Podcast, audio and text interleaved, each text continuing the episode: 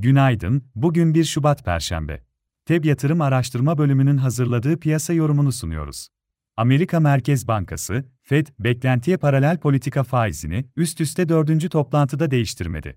Fed açıklamasında enflasyonun hedef seviyesine doğru ilerlediğine dair güven oluşana kadar faiz indiriminin düşünülmediğinin mesajı verildi.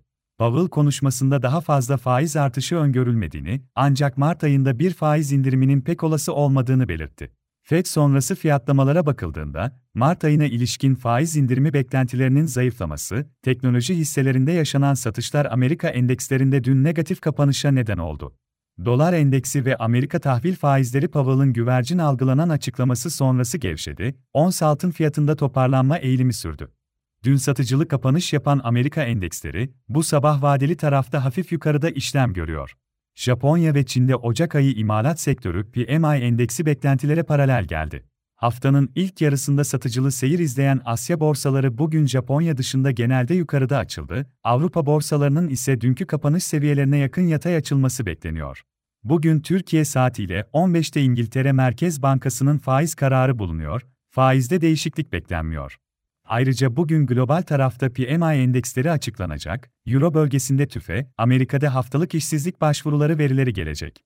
Amerika şirketleri dördüncü çeyrek bilançolarını açıklamayı sürdürüyor. Bugün Apple, Amazon, Meta Platforms gibi Amerika'nın önemli teknoloji şirketlerinin sonuçları takip edilecek. Türkiye'de ise bugün imalat sektörü PMI endeksi önemli olacak. Bu akşam Akbank'ın dördüncü çeyrek sonuçlarını açıklaması bekleniyor. Borsa İstanbul'da ise dün hafif yukarıda kapanış oldu. Gün içinde yeni Türk Lirası bazlı tarihi zirve 8577 seviyesini test eden BIST endeksi günü %0.26 yükselişle 8497 seviyesinde tamamladı. Ocak ayı genelinde endeks %13.74 yükseldi. Bugün de Borsa İstanbul'un güne hafif yukarıda başlamasını öngörüyoruz. Teknik olarak bakıldığında Borsa İstanbul'da son bir aydır etkili olan yükselen trend sürüyor, endeksin yeni bir zirve yaparak ilk etapta 8600 seviyelerini test etmesini bekleriz.